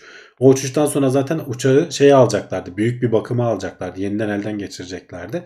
Ta bir dahaki seneye uçuşları olacaktı. Ama şimdi o uçuşu da ertelemişlerdi e, henüz e, ne kadar ertelendiği ile ilgili bir şey olmadı. FAA'den izin geldi. Ama hani Virgin Galactic o son uçuşunu yapar mı yapmaz mı ne zaman yapar onunla ilgili bilgi yok. Sonuçta hani Amerikan Havacılık Dairesi işte bu şeyleri güvenlik önlemlerini ciddiye alıyor. Ee, uçuştan önce de sonra da takip esnası takip ediyor. SpaceX falan da hani biz ara ara diyoruz ya zor izin alıyor vesaire falan diye. Bunların hani devlet kurumlarının bunları sıkı denetlemesi lazım. Çünkü firmalar e, işin çivisini çıkarıp e, kontrolden çıkmaya müsait oluyorlar. Sıradaki haber de aslında bununla alakalı. Zaten ikisi bir arada. E, evet. Tek bir haber. E, FAA gene bu sefer de Blue Origin'i kontrol altına, e, denetim altına aldı, aldı, denetim, aldı evet. diyelim. Kontrol ediyor yani. Niye? Çünkü geçtiğimiz günlerde bir grup yaklaşık 21 kişi e, bazıları hem Blue Origin'de çalışıyor hem de bazıları ayrılmış. Yani 21 toplam e, 21 mühendis e, büyük kısmında anonim kalmak kaydıyla Blue Origin hakkında bir yazı yazdılar. internette yayınladılar. İşte güvenlik önlemlerinin e, ne kadar gitgide cılızlaştığı, işte e, firmanın baskı yaptığı uçuş sayısını arttırmak bilmem ne falan adı altında. E, işte kadınlara karşı e, cinsiyetçi yaklaşımların olduğu falan. Onun işin o boyutları da var. Hani sadece uçuş güvenliği ile ilgili değil. FAA bunları incelemeye aldı. E, FAA'nin tabii ki incelemeye aldığı kısım uçuş güvenliği ile ilgili olan kısım. Öteki taraflar e, hangi kuruma da bilmiyorum. Devlet kurumunun konusuna giriyor mu girmiyor mu o da ayrı konu ama e, uçuş güvenliği ile ilgili olan kısımları FAA e, denetim altına aldı. Şimdi bakacaklar hani orada çünkü sadece şeye bakmıyorlar. Sadece prosedürlere bakmıyorlar. Firma kültürüne de bakıyorlar. Hani bir olay olduğu zaman e, işte mühendisler e, itirazlarını rahat dile getirebiliyor mu yoksa üstleri tarafından baskı görüyorlar mı vesaire falan gibi e, şeyler var mı? Bunlar muhtemelen bir FAA'den bir grup gidip herhalde çeşitli görüşmeler vesaireler falan yapacaklardır. Blue Origin bir açıklama yapmadı. E, ama işte adamların hedefi gelecek yıl 40 uçuş falan yapmak. Yani Şimdi 2019'da 3 uçuş yapmış. 2020'de bir uçuş yapmış. Bu sene 3 uçuş yaptılar. Gelecek yıl 40 uçuş yapmayı falan planlıyorlar ki önümüzdeki günlerde bir uçuş daha var bu arada. Hani FAA onu durdurdu mu bilmiyorum. E, denetime aldı dedik ama uçuşu durdurmadı bildiğim kadarıyla. Ayın 12'sinde hı hı. gene bir milyoner e, Blue Origin'le uçuş, uçacak. E, uzayın sınırına gidip biraz geçip geri gelecek. bunlar devam ediyor. Ama hani bir yandan da işte hem eski çalışanlar olsun hem şu anda hala hazırda içeride çalışanlar olsun bir e, işaret fişeği attılar. E, firmanın işte biraz işleri fazla hızlı gittiği, uzun mühendislerin uzun saatler çalışıp e, üzerlerine çok iş biriktiği vesaire falan gibi e, ne denir itirazlarını dile getirmiş oldular. Evet. Ya FAA gerçekten işini sağlam yapıyor bence. Hani e, hiçbir açığı da böyle boş bırakmıyor. Her an her yerden karşınıza çıkar mesajını da veriyor yani firmalara. Evet işleri yavaşlatıyor mu? Yavaşlatıyor ama e, haklı oldukları bölümler var. Firmaların haklı oldukları bölümler var. E, tabii ki burada onların da amacı e, her şeyin kitabına, kuralına göre uygun olarak ilerlemesi sonuçta. Çünkü e, gelecekte insanlığı da tehdit edebilir bazı vakalara, sonuçlara. Ya tabii sonuçta bir olabilir. yandan da hani e, bürokratik bir kurum olduğu için eminim bazı alanlarda da şey yapıyordur. E, işleri yavaşlatıp hakikaten çalışmaz hale getiriyor veya çok saçma önerilerle geliyor da olabilir. E, onun dengesinin iyi sağlanması lazım. Sonuçta firmalara da bırakırsan başıboş vahşi batı olur. E, evet. Devlete bırakırsan da dediğimiz gibi bu sefer de başka türlü e, iş ilerlemez yani. Hani ilerleme Hı. gerçekleşmez ya olduğumuz yerde kalalım ne gerek var şimdi uzaya gitmeye falan diye şey yapabilirler. Olabilir. Ee, şeyi sorayım bu arada çete merak ettim. Yani siz FAA'nin bu politikasını mantıklı buluyor musunuz yoksa firmaların önünü mü açması lazım? Bir yazın bakalım. Ee, onlara bakalım. Ben de o arada şu ufak hatırlatmalarımızı yapayım. E, bu arada Ali Köprülü Maksimum Destek grubuna gelmiş. Hoş geldin diyelim ona da. Ee, şimdi teknoseyir.com sitemiz teknoseyir adıyla bütün sosyal medyalardan ulaşabiliyorsunuz. Burada zaten konuştuğumuz haberlerin linkleri, kaynakları gene sitede olacak. Oradan gelip ulaşabilirsiniz. Kaynaklarına gidebilirsiniz. E, bu yayınları beğeniyorsanız aşağıdan beğen tuşuna basabilir, kanala abone olabilir. E, arkadaşlarınıza da işte tavsiye de edebiliyorsunuz. Daha böyle maddi desteğimiz olsun da derseniz aşağıda katıl butonundan e, bütçenize uygun bir şeyler seçebilirsiniz. Süper Chat, Süper Sticker'dan da destek olabiliyorsunuz. E, Twitch'te de yayınlar devam ediyor. Orada da TeknoSeyir adıyla ulaşabilir. Prime abonelikleriniz, normal aboneliklerinizle TeknoSeyir'e destek verebilirsiniz. E, yeri gelmişken hatırlatayım. Benim de bir Twitch kanalım var. Orada da gelip benim yayınlarımı da izlemek isterseniz, destek olmak isterseniz e, beklerim diyeyim. Ona da Zisegnet adıyla ulaşabiliyorsunuz ya da zorsa dengesi tersten yazabilirsiniz diye de hatırlatmış olayım. Hatta çetede atayım şeyi. Ee, Bak, evet. Özgün Çiziltepe demiş ki FAA çalışma sistemini tekrardan düzenlemeli ve güncellemeli denetim elden bırakmasın ama gereksiz prosedürleri de temizlemesi gerekiyor. Evet yani devlet kurumlarında da o oluyor. Ee, sonuçta teknoloji çok hızlı ilerliyor. Yapılması gereken şeyler çok değişebiliyor ama devlet kurumlarında prosedürler ilerlememişse önünde takoz oluyorsun. Ama bir yandan da kontrol mutlaka sağlanması lazım. Evet. O da tamamen başıboş bırakılacak bir alan değil. E, Sigma'da demiş ki bence firmaların önünü açmalı hocam. Elon Musk'a kafayı takmışlar demiş. ya Elon yok orada herkese... biraz onun reklamını öyle yapıyor. Yani yoksa niye kafayı taksınlar? Ben zannetmiyorum. Yani ama hani şimdi bence oraya takmalarının nedeni ya da bizim önümüze daha çok düşmelerinin nedeni SpaceX'in başarıları yani. Adamlar çünkü sürekli koşturuyor yani. Diğer Hayır, firmalardan bir de biz... şartları zorluyorlar. İtekli evet, yani SpaceX. O kadar biz diğer o yüzden karşılaşmaları normal yani. Yani diğer firmalar o kadar e, bir atraksiyonlu bir şeyler yapmıyor yani. Canım gene işte yapıyorlar şimdi. Virgin Galactic'te Blue Origin'inki de o kadar basit işler değil. Ee, SpaceX'inki kadar hani çok daha ileri teknoloji gerektiren, daha ileri uzayın derinlikleri olmasa da onlar da bir şeyler yapıyorlar. Can taşıyorlar, insan taşıyorlar hani sonuçta. Ee, ama işte devlet kurumlarında yapacak bir şey yok. Hani regülasyonlar mutlaka olması lazım. Evet, Tebasir demiş ki programınıza e, vaktimden geldiği için genelde sonradan ama mutlaka dinliyorum. Yaptığınız işi değerli görüyorum. Başarılarınızı devamı diliyorum demiş. Teşekkür, Teşekkür ederiz kendisine. Sağ olsun eksik olmayın efendim. Sıradaki haberlere geçiyoruz. Yavaştan haber atlamayayım. Bir saniye. Evet. 2021 Nobel Tıp Ödülü e, dokunma ve sıcaklık reseptörlerini keşfeden bilim insanlarına verildi. Evet çok sıcak bir haber. Akşam saatlerinde duyuruldu. Önümüzdeki haftada muhtemelen fizik, kimya ödüllerini vesaireleri konuşuyor oluruz. David Julius'la Ardem Pataputyan iki tane bilim insanı. Sen de dediğin gibi bir tanesi işte sıcaklık vücudumuz sıcaklığı nasıl algılıyor? Yani derimizdeki hangi reseptörler ve nasıl bir mekanizmayla bunu algılıyor? Bir tanesi de dokunma. Yani e, acıtacak kadar dokunma var. Hafif böyle dokunma var. Vücut bunları nasıl algılıyor, nasıl ayrıştırıyor. E, bunların temel dinamiklerini 1990'ların sonunda galiba yanlış bilmiyorsam e, araştırıp yayınlamışlar.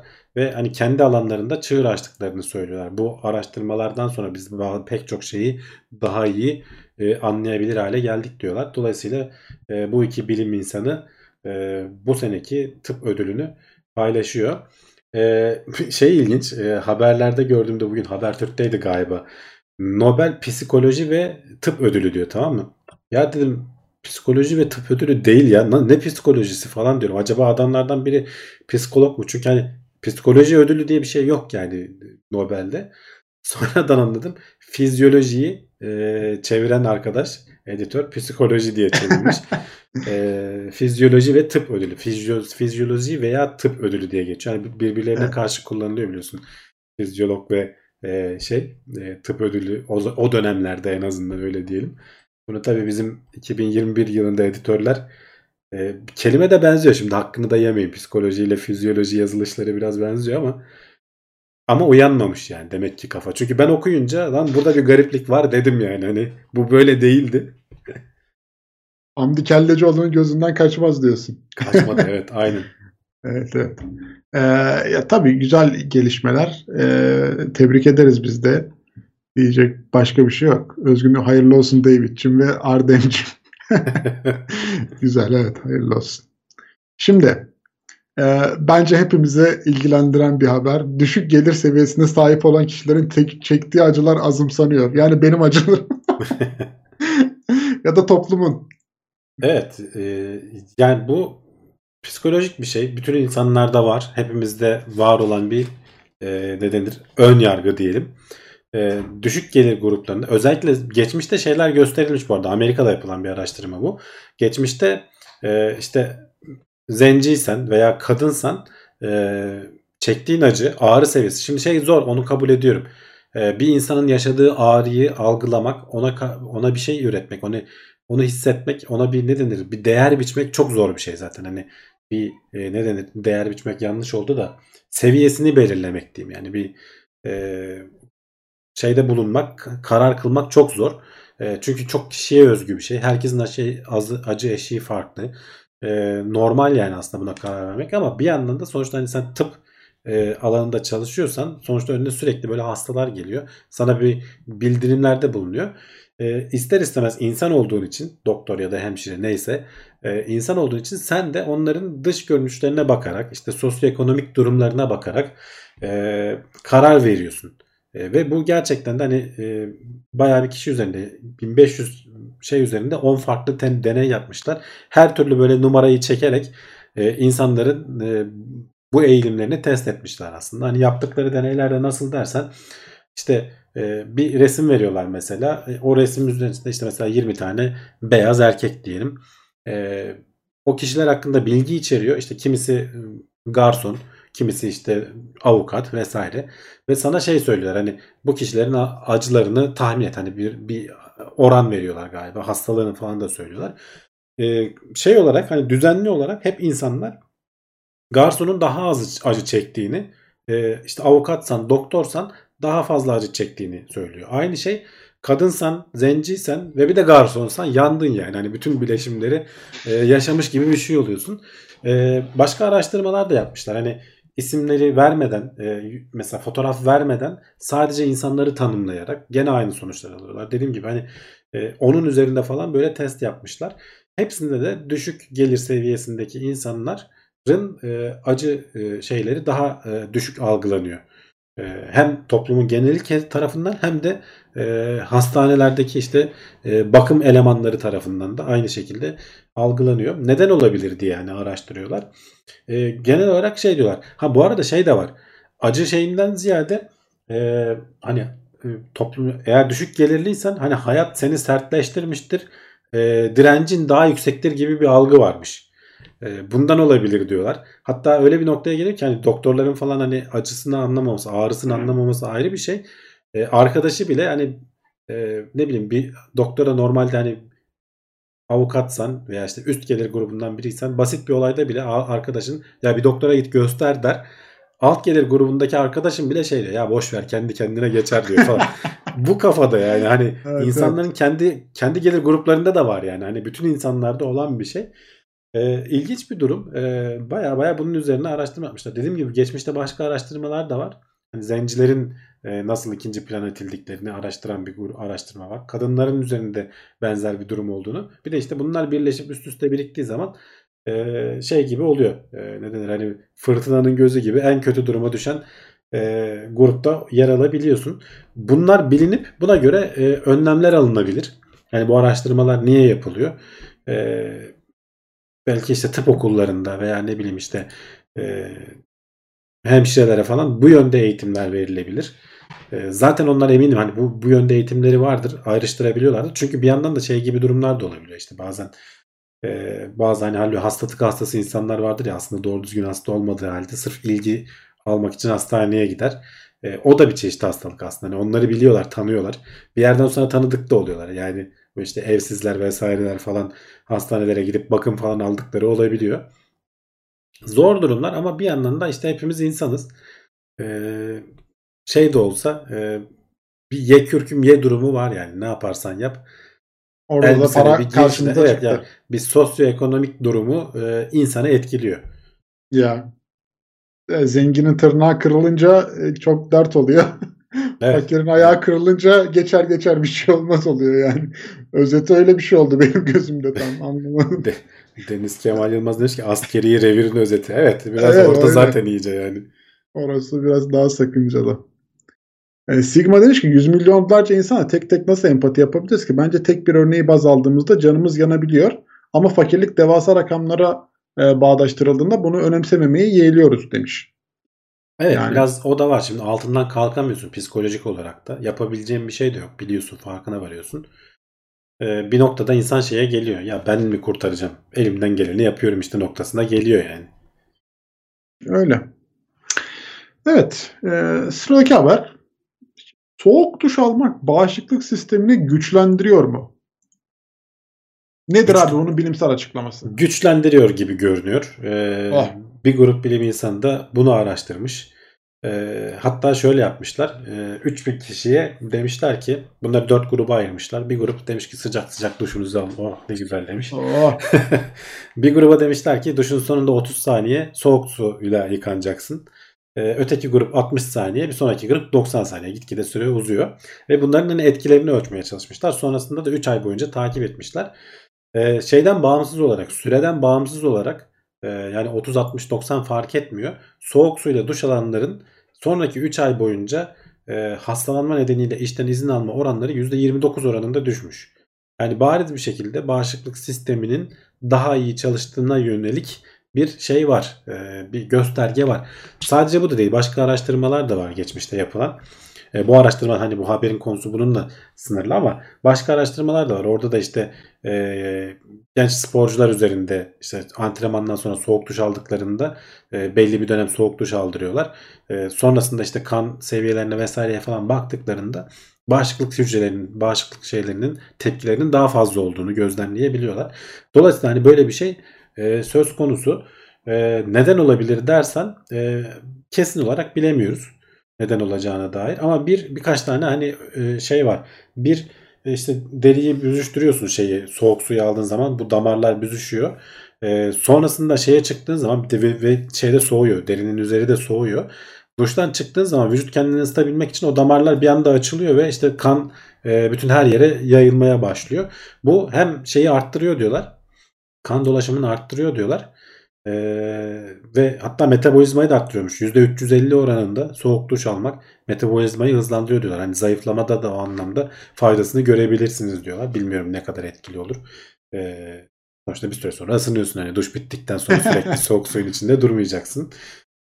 Ee, şeyi söylüyorlar. Deridimizdeki e, şey e, bu soğuğa karşı olan sensörler az önce Nobel Tıp Ödülü'ndeki e, sıcaklığı ve şeyi ölçen sensörler, soğuğu ölçen sensörler e, beyne doğrudan bağlı diyorlar ve şey yapıyor. E, ne denir? Depresyonu engelleyecek bütün vücuttan o sinyalleri aldığın zaman depresyonu engelleyecek bir e, şey oluşturabiliyor. E, savaş ya da kaç şeyi diyorlar ya e, tepkisi diyorlar ya Onun oluşmasını da sağlıyor diyorlar. Bunun e, işte o salgıladığın hormonlar vesaireler falan bağışıklık sisteminin seviyesini arttırıyor diyorlar. E, kesin değil dediğim gibi bunların hepsi alternatif hipotezler. E, ama e, iyi bir şey gibi görünüyor. Bu arada bu 3000 kişi yani e, 6 hafta boyunca mı 3 hafta boyunca mı ne şey yapın diyor. Bir ay boyunca galiba işte e, bu protokolü uygulayın diyorlar ama %64'ü e, soğuk suyla duş almaya devam etmiş. Yani beğenmişler. O kadar da e, keyifsiz bir şey değil anladığım kadarıyla. E, biraz şeyden bahsediyor. Bu soğuk suyla yıkamanın tarihinden de bahsetmiş haberde. E, ilk başta şeyde 18. yüzyılda böyle akıl hastanelerinde falan hastaları rahatlatmak için e, çünkü delilik gösterdiğiniz zaman şey düşünüyorlar. Ya bunun beyni ısındı. Biz bunu serinletmemiz lazım diye düşünüp soğuk suyu basıyorlarmış. Hem bir cezalandırma da oluyor. Ee, sonradan tabii hani bunun pek de bir şey yaramadığını görüp e, 19. yüzyılın sonlarına doğru artık hani 1900'lere doğru şeyden vazgeçmişler. E, soğuk suyla yıkamak yerine sıcak suyla böyle yumuşatalım biz bunları 5 dakika yıkayıp daha iyi oluyor diye sonuca varmışlar. Durduk yere insanlara yapılan işkenceye güldük şimdi yani. Ne yapacağız bilmiyorum arkadaş. Ama komik geldi bilmiyorum. Ee, Bilmiyorum var mı izleyiciler arasında soğuk? Valla çok e, yazanlar var. Ee, benim düşündüğüm gerçekmiş bilmiyordum diyenler var. Ee, sonra ben duştan sonra hep soğuk su tutarım demiş üstüme.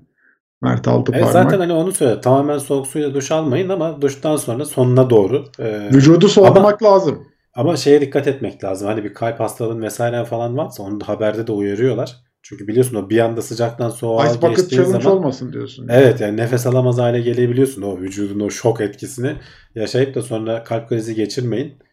E, dikkatli olun. Hani öyle bir şeyiniz varsa e, yapmayın yani. Hani kalp hastalığınız. Yavaş yavaş soğutarak e, geçişi yumuşak yapabilirsiniz. Ee, Kars Erzurum'daki adam nasıl soğuk suyla duş alsın geberir gider demişler. Ya soğuk su dediğimiz sıfır derecede değil canım. Yani Tabii canım. biraz normal duş işte 30 derecede mi alıyorsan Ilığın 20, altında. 20, 20 dereceye indir 20 15 dereceye indir ne bileyim ben. O bile soğuk tabi de. Kaç derece duş alıyoruz ya? 30'da mı? 30'un üstüdür herhalde ya. Tabii canım 30 biraz 40, ılık gibi 40, geldi yani. 40 falandır herhalde. Hayır 30 insan vücudu 37 derece civarında olduğuna göre 30 soğuk olmaz mı ya? Evet. Ama çok 40 da soğuk olmaz herhalde. Bir denemek lazım. Yani en az 40 falan ılık olması lazım değil mi? Bilmiyorum. Ya, ya da yok çok yok sıcak? 40'ın üstüne çok çıkarsan sıcak oluyor da. Oluyor değil mi? Ee, Bak tabii onu tabii. merak ettim şimdi yani. Ama hani herhalde Doktor 30 güzel. hani insan vücuduna göre soğuk gel Soğuk, gelir diye evet. düşünüyorum. 60-70 Bilemedim. derecede yanarsınız arkadaşlar sakın şeyler. Evet evet o, o sa- sakıncalı olabilir. Ee, bakalım. Ölçmek lazım ya ben de hiç ölçmedim yani. Ama evet yani 40 derece civarı falan olması lazım. Bak 39-41 diye düşünüyorum demişler. Bakalım ona 38 göre. deniyor demişler. Hı hı. Yaşlılar genelde en son bir soğuk suyla yıkanın derler. Hep deneyimden geliyor demek ki bilgileri demiş Hamamda Can Bey. 80 dedikleri hamamda 80 değildir ya mümkün değil yani. Dediğim 80 haş- falan. Hayır haşlanırsın. Değdiği, değdiği anda yanar yani. Sanmıyorum. Bence yani. Hatta yani demin dediğin gibi mesela 45-50'ler falan artık sıcak olduğu bölümdür yani. Bayağı ona elini falan tutamazsın gibi geliyor bana. Evet evet. Ben hep 10 65'e el litrelik soğuk su duşu alıyorum dayanmaz. demiş. Oh. 40-50 aralığında olabilir. 41 iyi diyenler var. 42'de elim yanıyordu diyen var. E İşte tamam soğutacaksınız arkadaşlar. Yavaş yavaş soğutarak dayanabildiğiniz kadar. 39 Sonrası- altı sonrası soğumaya çok güzel oluyor. Bak ben bir iki kere denedim. Ee, kapattıktan sonra vücut ısınmaya başlıyor ya o hakikaten iyi oluyor. Normalde sıcak duştan sonra çıkınca üşürsün. Soğuk Evet. duştan sonra çıkınca ısınıyorsun. o güzel oluyor hakikaten. Şimdi çıktım duştan 48 derece gösteriyor kombi demiş. Ama şimdi sen onun tamamını mı sıcak suda kullandın Ya o ve o şöyle- dolaşımdayken azaldı mı? Dolaşımdayken azalır. Bir de sen onu biraz ılıtıyorsan soğuk Ilıtıp suyla karıştırarak, Evet. evet. Tamamını sıcakta kullanamazsın bence 48'de. O da yakar yani. 30 yıkanıyorum ben yıllardır o zaman soğukta yıkanıyorum demiş. Renkli, renklileri 30 derece. Renklileri at. fazla da Ya çitilemeyin. çok pardon ya. Ama yapasım geldi yani. Yani sen renkli olabilirsin o zaman. 30 derecede yıkanıyorsan. Bulaşık makinesi reklamı oldu. Evet. Neyse bunu gene şeyde Biz- devam ederiz ya. Kulis Evet bölümü. evet kuliste Son devam haber- ederiz. son haberimizi de konuşalım. Ee, şimdi nasıl anlatayım bunu? E, Şöyle e, yani şu an bizim bu dünyaya bıraktığımız izler, bu iklim değişikliği aslında çocuk hakları sorunuymuş yani. Yani çünkü evet, biz, Evet. biz e, gelecekteki nesilleri e, etkiliyoruz yani ister istemez. Evet yani bu aslında hani haberin başlığı tamamen şey bugün doğan çocuklar e, gelecekte çok daha fazla e, ne şeyi görecekler. E, felaket görecekler. 1960 yılına göre doğan çocuklara göre e, işte burada hatta sayıları da var. E, eğer işte bir buçuk derecede tutabilirsek hani şu anda geldiğimiz nokta endüstri devriminden sonraki sıcaklıklara göre bir buçuk derecelere gelme noktasına kadar e, burada tutabilirsek daha fazla ısınmazsa ee, ne diyorlar? Şöyle bakayım. Burada istatistiklerini vermişti ama Ben- eğer 3 dereceye kadar ısınırsa 6 yaşındaki bir çocuk e, 2100 şeyde Birleşmiş Milletler 2100'e kadar 3 dereceye kadar gider diyordu. Onun e, modellemesini yap, onun istatistiğini vermişler. 6 yaşındaki bir çocuk e, normalde yaşadığımızın iki katı daha fazla işte e, yangın ve işte e, hortum tehlikesi yaşayacak. 3 katı daha fazla işte e, sel, taşma, taşkınlar vesaireler falan yaşayacak. 4 katı daha fazla e, kuraklık ve işte yiyecek kıtlığı sıkıntıları yaşayacak. 5 katı daha fazla kuraklık yaşayacak. 36 kat daha fazla şey yaşayacak. e, sıcak hava dalgası. Hani ara ara oluyor böyle Avrupa'da falan bir sürü insanın hayatına neden oluyor böyle bir sıcak hava dalgası geliyor birkaç gün aşırı miktarda. Ee, bunların e, bu 2100 yılına kadar eğer 3 dereceye kadar hani şu anda hiçbir önlem almazsak ve böyle devam edersek bu şekilde e, eğer şey yapabilirsek 1,5 derecede tutabilirsek bunların hepsi %40 oranında düşülebiliyor diyor. Yani baya baya şeyleri azaltmış oluyorsun. Ama hani kaçarın yok. Eğer 2020 yılında doğduysan e, bu e, 1960 yılında doğan birine göre çok çok daha fazla e, ne denir?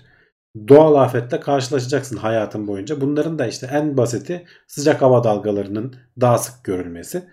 Biz normalde işte 1960 yılında doğan bir kişi e, ömrü boyunca 3 kere falan sıcak hava dalgası görürken 3 ya da 4 kere daha görebilirken bütün ömrü boyunca 2020'li yıllarda doğan birisi e, çok daha fazla hani 30 kere 32 kere falan sıcak hava dalgası senaryosunu görüyor. Diğer şeyleri de az önce saydım. E, felaketleri de az önce saydım. Bu yüzden işte şey diyor. Buradaki uzmanlardan biri onu söylüyor. Ben de o başlığı tam olarak almak istedim. İklim sorunu aslında iklim sorunu değil bir e, çocuk hakları sorunudur. E, belki bu şekilde söylenirse insanlara daha fazla e, etki eder. E, aslında çocuklarımıza e, bizden sonraki gelecek nesillere falan dediğin zaman insan pek anlamıyor ama işte çocuklarımıza e, daha felaketli bir şey bırakıyoruz. E, Öyle, dünya, öyle. Dünya bırakıyoruz ve bunu engellemediğimiz sürece yani belli bir miktar geldik işte şu anda biz de yaşıyoruz. E, her yaz artan yangınlar işte ne bileyim kışın aşırı bazen yağmurlar e, belki işte çok aşırı soğuk olayları da yaşanacak. Daha henüz görmedik onları ama çok büyük don, don olayları vesaireler falan olacak. E, çünkü iklim değişikliği demek hani sürekli ısınma değil. Bunun dengesinin şaşması da demek. Her şeyin aşırı uçlara gitmesi demek. E, yağmur yağmıyor, yağmıyor, yağmıyor. Sonra bir yağıyor ortalığı mahvediyor işte. Sonra bir e, kesiliyor bu sefer sıcaklar ortalığı mahvediyor. Olay böyle ılıman düzgün bir şekilde ilerlemektense hep uçlara giden e, döngülere giriyorsun. Ve bir kere de bunu hani durduramadığın zaman e, bir yerde tutamadığımız zaman işte bu sera gazı salınımları bilmem neler vesaireler çok ciddi e, yiyecek kıtlıkları hani olay sadece doğal afetler de değil e, yiyecek bulamama su bulamama Orta Doğu'da falan geleceği yani baya kötü diyorlar hani bizim bu bulunduğumuz bölgelerin çok ciddi sorunla karşılaşacak Türkiye diyorlar. İlk e, herkesin geçiş ülkesi biz olduğumuz için ilk bize gelecekler şimdiden başladı işte zaten. Evet. Ee, yani aslında şu How dare you diyen abla Greta Greta abla boş yere çıkıp da oraya insanlara şey demedi yani bunu ücret demedi yani siz Evet. bizim geleceğimizi çalıyorsunuz, geleceğimizle oynuyorsunuz diye e, boş yere serzenişte bulunmadı yani işte bu da gene onun gibi bir haber yani. E, bizim burada yaptığımız bütün değişiklikler e, ileride gene bizim neslimizi ekleyecek, bizim çocuklarımızı etkileyecek. E, her zaman söylediğimiz iklim e, değişikliği sorunu devam ediyor. Yani bunun da bir çözümünü e, alınması gerekiyor. Evet. Başka da arada diyecek bir hani şey yok. bu tamamen şans meselesi bir yandan. da. Bak şimdi Mert Altı parmakla şey yapmış. 1915-50 arası yaşamış insanlar iki dünya savaşı gördü demiş. Yani hakikaten e, çok çok daha hani şanssız nesiller de var. Yani nereye denk geldiğini bilemiyor insan. E, ileriye doğru insanlık ilerliyor. Evet hani teknolojimiz gelişiyor. E, pek çok şey yani bulabilir hale geliyoruz. Ama bir yandan da işte e, onun da negatif etkileri olabilir. Şimdi e, dünya yani bir sıkışmaya doğru gidiyor diyorlar. Hatta bazı uzmanların söylediğine göre bu tam Birinci Dünya Savaşı öncesi yaşanan e, garip sıkışmalar şu anda da yaşanıyor diyorlar. İnsanlık hani eğer bunlara e, bir savaş çıkarmadan atlatabilirse ne hala. Ama e, atlatamazsak belki 3. Dünya Savaşı'na doğru gidiyoruz yani. Öyle öyle. Belki bildiğimiz anlamda şey olmayacak. Hani klasik e, bir savaş olmayacak. E, çünkü hani şu anda aslında e, biliyorsun hani sınırlarımızın dibinde bir savaş var ama böyle bir kimse hani hep bir maşayla herkes kendisi doğrudan yok ama bir, bir herkes bir adamını bulup bir orada tepişmeler o yaşanıyor.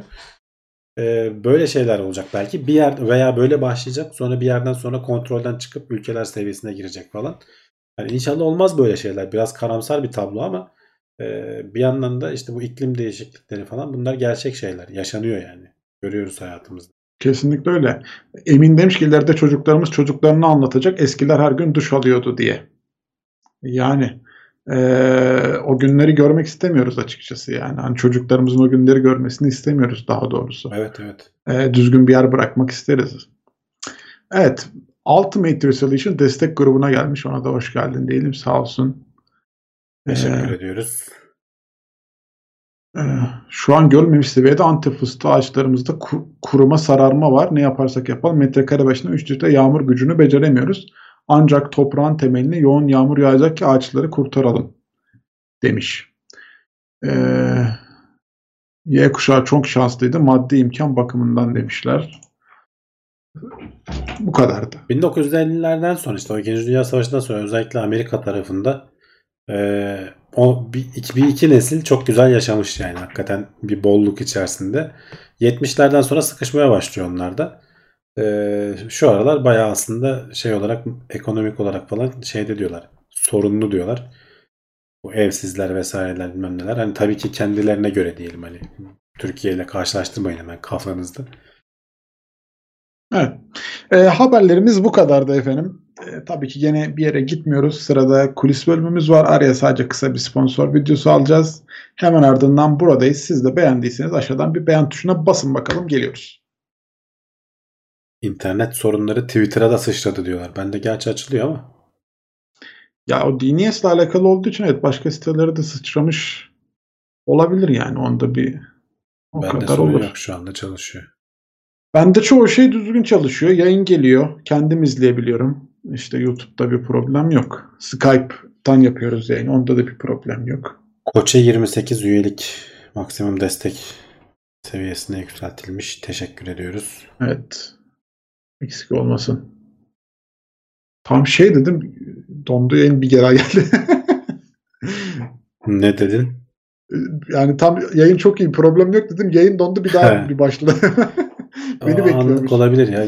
Sonunu getirdik canım gene iyi. Ben daha ürküyordum açıkçası. Erkenden yayından. patlar mıyız diyordun. Yani işte internetin bu hali belli mi olur? Şu Twitter kadar bende düzgün sorun. çalışıyor. Facebook'a bakalım. Facebook çalışmıyor. Hiç açılmıyor. birinci internet savaşları demiş birey. Ya evet bir yandan da o da var. Sonuçta e, bu internet o kadar artık hani temel hayatımızın bir şeyi oldu ki bu siber savaşlar bayağı ciddi. Hani bir ülkeyi sıkıntıya sokmak istiyorsan yapabileceğin en temel şeylerden biri. Baya baya bunun kurumunun kurulması. Türkiye'de de galiba başladılar aslında ama e, hani böyle bir askeri anlamda bir şeylerin olması lazım. Hani askerlik bir olay değil evet ama hani o disiplinle e, şey olması lazım. Bu işlerin peşine düşülmesi lazım. E, öyle kurumlar kurulup işte dün bir internete gene sızdı işte e-nabızdan bilgiler sızdı vesaire falan diye. Gerçi ne kadar gerçek olup olmadığı da belli değil biraz. Bilgiler atmasyon gibi de geldi ve fiyatı da ucuz geldi bana ama 600 dolar. 600 Aynen, dolar. 600 750 dolara. miydi? 600 dolara e, 7 milyon satır artık neyse o 7 milyon satır hani içinde kaç kişi var. Hmm, Bir garipti yani hani Ama sonuçta hani bunlar sızabiliyor veya işte sistemi çalışmaz hale getirebiliyorlar. Artık o kadar hani oraya bağlıyız ki. Bizim bir arkadaş şey demişti ya ben dedi o bilgileri dedi satın alayım dedi. Dedim ne yapacaksın kullanacak mısın? Yok dedi daha pahalıya satarım dedi. Ya 600 dolar çok ucuz. Niye bu kadar ucuza satıyorlar dedi. ben dedi biraz daha pahalıya satarım onu. Evet evet. yani işin şakası yani de. Ama evet Tabii Mete şey. Karabuçak'tan bir soru mu gelmiş? Yok yorum. Gençler kulis bölümü muhabbet kıvamında bu da kulise gelsin. İyi yayınlar demiş. 500 lira göndermiş. Sağ olsun. Eksik olmasın. Teşekkür sağ olsun. ediyoruz. Benim Twitch yayınlarına da bekle. Kendine pay biçiyor. bu nasıl yayıncı? Ey cemaat boş Allah'ım ya. geçmeyin diye. Evet. Adem de e, Dis Mete Karabıçak demiş. O da 50 lira göndermiş. Küçük bir dis ama olsun. Eksik olmasın o da çok sağ ol. Öyle dis yapacaksan daha küçük yapmaman lazım. Değil mi? Değil mi? Daha Değil mi yani? Öyle çalışmıyor Kızıştıralım ortamı. ortalığı. Dis yayıncılar bize. Bir Adem'e dis küçülerek gidiyor. Değil mi? Şimdi 5 lira gelecek birinden. Adem'e dis geldi. 6 lirası. 20 lira. Azalarak gidiyor. E-Devlet Çok güzel. açıklama yapmış bak e, öyle bir şey yok diye. Ya tabii hani yok diyeceklerdir o ayrı konu. Belki de olmuştur onu da bilemiyoruz ama e, biraz şeydi yani hani o 600 Peki, dolara satılması. Bir şey soracağım. Şimdi şey nasıl olacak? Mesela E-Devlet yani KVKK'ya bildirmesi lazım mı? Kim ceza kesecek E-Devlet'e? Bildirmesi lazım aslında evet ama Yani nasıl oluyor iş? Devlet kurumu olduğu için e, kim ceza kesecek, kim takip edecek onu bilmiyorum. Bu da ayrı konu yani. Yani devlet devlete ceza mı kesecek kurumu kurumuna? Bilmiyorum. Hani öyle bir durumda. Ama yani hani tam E-Devlet yok öyle bir şey demiş de acaba olsaydı da gene öyle mi diyecekti? Ben çok merak ediyorum yani. Kalkıp da demezdi herhalde. Ya da KVKK'ya bildirmezdi bence. Bizim başımıza böyle bir şey geldi diye. Herhalde bildirmezdi. Çünkü işte öyle şeyler genelde zaten hani devlet kurumu olduğu için işin içine politika giriyor. Bildirip de rakibe muhalefete şey kazandırmamak Tabii, tabii. için bildirmiyorsun yani öyle bir durumda. Yani bu arada ama ben e, E-Devlet'in işleyişinden çok memnunum. Gayet yani yapıldığı günden beri gelişerek e, güzel Evet, yerlere evet, gelmiş güzel bir platform. Benim gözümde kesinlikle her türlü işte e, kolaylık sağlıyor gün geçtikçe. Ve e, gayet de güzel bir saldırma yeri. Niye o kadar az hack haberi geliyor onu da bilmiyorum. Hani arkasında gerçekten güzel yatırımlar mı var?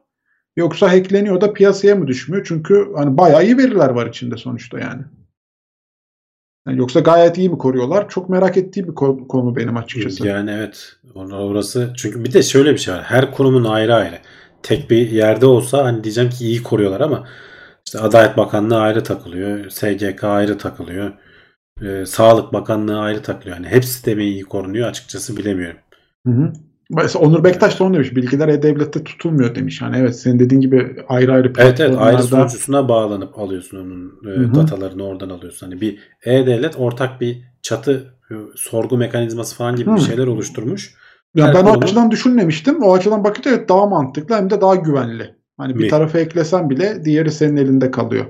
Evet orası güzel. öyle de işte e, küçülttükçe de hani tek bir elde olmadığı için güvenliği ne kadar sağlanır Ha. e, onu bilemiyorsun. O da bir Yani çünkü başka ufak konu. ufak bir sürü şey mesela ÖSYM diye bir kurum var. Orada da bilgiler var. İşte YSK'da ayrı bilgiler var. Şimdi bunlar küçük küçük kurumlar aslında. Hani çok da hani küçük değiller ama hani ne bileyim bir Sağlık Bakanlığı değil ya da bir Milli Eğitim Bakanlığı değil tabii ki yani. Öyle.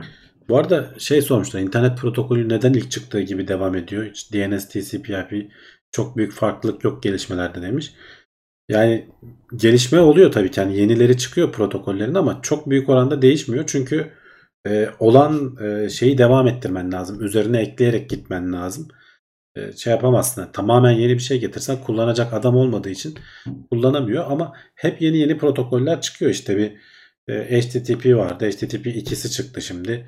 Uzun zamandır kullanılıyor. Şimdi 3'ü çıktı en son Quick diye. Gene Google'ın çıkardığı. E, protokollerin yenileri geliyor. E, TCP/IP her yerde kullanılmıyor. Yerine göre e, UDP falan gibi protokoller kullanılıyor. Ama temel altyapı kolay kolay değişmiyor. E, o da dediğim gibi hani en basitinden e-mail değişmiyor. Ya. E-mail altyapısı aslında çok saçma bir altyapı yani e, günümüzde. Ama tabii diğerleri geldikçe işte bu WhatsApp'ta bilmem neydi falan yeni yeni hizmetler geldikçe onun kullanımı da azalıyor bir yandan. Kolay değil. Geriye dönük uyumlu yapmazsan kullanılmaz. Büyüyemezsin yani. Ama işte bazen de hani Levent abi de der ya üstünü çizip eskiyi atıp yeniden sıfırdan başlamak lazım diye bazı şeylerde. Ya orası kesin. E, bazen internet bazen atıp evet. yapmak ama işte bütün dünyaya böyle mal olmuş bir ağı nasıl atıp yeniden yapacaksın ki mümkün değil. Çok zor, çok zor. Çok zor. Ee, Mete Karabıçak demiş ki IP6'ya neden geçilmedi? Asıl soru bu demiş. Geçilecek zorunda kalındığı zaman geçilecek. Şu an idare edilebiliyor. Ee, Edilemese geçilirdi çoktan. Bazı yerler geçti erkenden e, desteklemek adına. Ama çok kritik değil. Hani biz işte 5 sene önce ben haberlerini okuduğumu hatırlıyorum. IP'ler bitiyor, IP'ler bitiyor. Lan bitmedi işte bak kaç sene oldu. Hala idare ediyoruz yani. Tabii ki Yani- evet hani ayrılan parça azalıyor ama e, sonuçta Ama biraz işte da yapay bilmem neydi. yapay çözümler geldi. Mesela bu CGN IP falan bir yani Ama onun çözüm yüzünden işte yürüyor işte bir şekilde çözüm hani yapay ortak mapay. IP'ler. Evet evet. Bilmiyorum. Ne kadar çözüm? Yani mesela şeyler o diyorlar ki işte telekom firmaları işte aynı IP'yi portlar üzerinden paylaştırıyorlar hani kullanıcılara falan filan diyorlar. Mesela. Olabilir. Ha ne zaman olacak? Internet of Things işte Mete Karabıçan dediği gibi yaygınlaşınca hep her şey daha fazla internete bağlanmaya başlayınca ama orada da şöyle bir şey var. Ee, şimdi evdeki işte Internet of Things benim ev ağımdan çıkıyor. Gene tek bir IP ile çıkıyoruz dışarıya. Yani e, bu biraz böyle arabaların falan yaygınlaşıp hepsinin kendi e, mobil bağlantıları falan filan olması lazım ki anca öyle olur. Hani evin içindeki şeylerle değil de e, sokakta gördüğü şeylerin artmasıyla falan olabilir. İşte o da 5G ile falan biraz paralel gidiyor. Neyse gerektiği zaman hepimiz uyum sağlayacağız arkadaşlar. Şu an gerekmiyor. Ee, Halil sormuş ki gezegenler neden bir çizgi halinde güneşe nazaran açık değil demiş ya da bize mi öyle gö- söylüyorlar? Ne hiçbir Ee, şey anlamadım.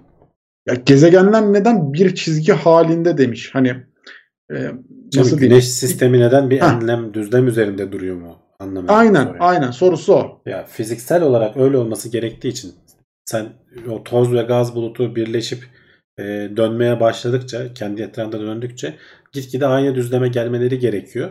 Bütün gezegenlerde öyle değil bu arada. Plüton bayağı e, şeyden şaşmış durumda. Yanlış bilmiyorsam. E, Açılı. E, ama hani fiziksel olarak gerektiği için hani fiziksel o gitgide bir araya birleşip o topaklanmanın e, verdiği bir şeyden dolayı tek bir düzlemde olma eğilimi gösteriyor gezegenler. Ee, onunla alakalı çok güzel bir video vardı YouTube'da ya. Real ger- yani şey ne nasıl yazılacağını tam hatırlamıyorum ama gerçek güneş sisteminin dönüşüyle alakalı bir şeyler vardı. Animasyon mu? Evet evet bir Şey. animasyon vardı orada anlatıyordu. Ona bir bakabilirler meraklılarsa bu konulara. Yani büyük Ee, gezegenler hani gezegen dediğimiz şeylerin hepsi aşağı yukarı aynı düzlemdeler. Tabii ki hani böyle ip gibi dümdüz değiller. Hafif biraz ufak tefek Hı. farkları vardır. Ama çok küçük yani. Hani uzay seviyesinde baktığın zaman dümdüz diyebilirsin. Bir de bir site vardı benim çok eskiden bulduğum da şimdi bulur muyum bilmiyorum ya orada da bayağı güzel şekilde gösteriyordu onları. Özgün Çiziltepe demiş ki bak zaman da Plüton da aynı çizgiye gelecek. Evet yani o Evet. etkiler oldukça gitgide ben- seni aynı çizgiye indirmeye başlıyor. Plüton'un kayıklığını da gösteren bir şey buldum. Hatta şunu bir atayım abi mesela bakabiliyor muyuz? Şuradan şu siteden. Zorlamazsa bize şeyi falan gösteriyor. Açılırsa bakayım. Benim baktığım site bu muydu bilmiyorum ama. Bir de benim geçenlerde bahsettiğim iki tane Steam'de yayınlanan oyun ya da uygulama vardı. Onlara da bakabilirler. Biri Universe, ne Universe'tu? Onu da hatırlayamadım. Benim de hafızam bu konularda çok zayıf ya. Bazı şeyler aklıma gelmiyor. O iki uygulamayı şimdi arkadaşlar yazar. Ben Biri- ekrana paylaşayım ben de bir yandan. Hı hı. Şimdi şöyle tam güneş sistemini yandan görüyoruz. Şu anda üstten gösteriyorum. Şöyle yana indiğimiz zaman hakikaten gezegenlerin hepsi şu Plüto hariç görüyorsunuz onunki böyle bayağı bir şu kırmızı olan Kayık. kayık eğik yani şey diğerleri ama hakikaten neredeyse aynı düzlemdeler. Ee, Evet, biri Universal Sandbox'tı. Diğerini de hatırlarsa arkadaşlar yazsınlar ya benim aklıma gelmedi. Can evet Real Solar System Moment olabilir hatırladığım video. Or Evet diğeri de Space Engine. Ondan meraklıları o iki programa bakabilirler. Gayet güzel orada. Eğlenceli. Şu ses Duyum dengesini merkezi. bir ayarlasanız süper olacak cidden demişler de nasıl bir Ses dengemiz iyi ya kötü mü? Hmm, yani bilmiyorum. Yani şikayeti olanlar var mı? Ben ara sıra bağırırım. Benim o huyumdur. Ara sıra sesim Arada yükseliyor. celallenirim diyorsun. Evet evet arada bir sesim yükselir benim. Hatta hanım gelir iki dürter beni. Ne bağırıyorsun diye. Ne var sakin ol. ses harika ses çok iyi demişler. Diğer arkadaşlar. İç gezegenlerle bak şeylerin arası ne kadar geniş. Biz yani daha şuradayız. Jüpiter, Evet. Satürn, diğer gezegenler ne kadar uzakta kalıyorlar. Neptün. Şu siteyi de ben atayım arkadaşlar. Merak edenler varsa chat'e atayım. Kendileri incelemek isteyen varsa. The Sky live.com Böyle hızlandırayım. Saniyede bir ay ilerleyecek şekilde. İlerliyor muyuz? Animasyon animasyonu da yapabiliyor musun hareket Hmm, güzel güzel. Benim atılım sizde de böyle bir şeydi de. Ya bu muydu emin değilim. Yalan olmasın. Şeyler bu da güzelmiş. Tam tıklayamadım. Güneşe falan şöyle tıklamaya uğraşıyorum da olmuyor. Neyse. Herhalde şey olmuyor o konuda.